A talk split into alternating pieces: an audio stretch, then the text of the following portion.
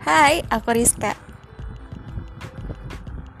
Kali ini aku bakal bikin podcast yang bakal nemenin hari-hari kalian.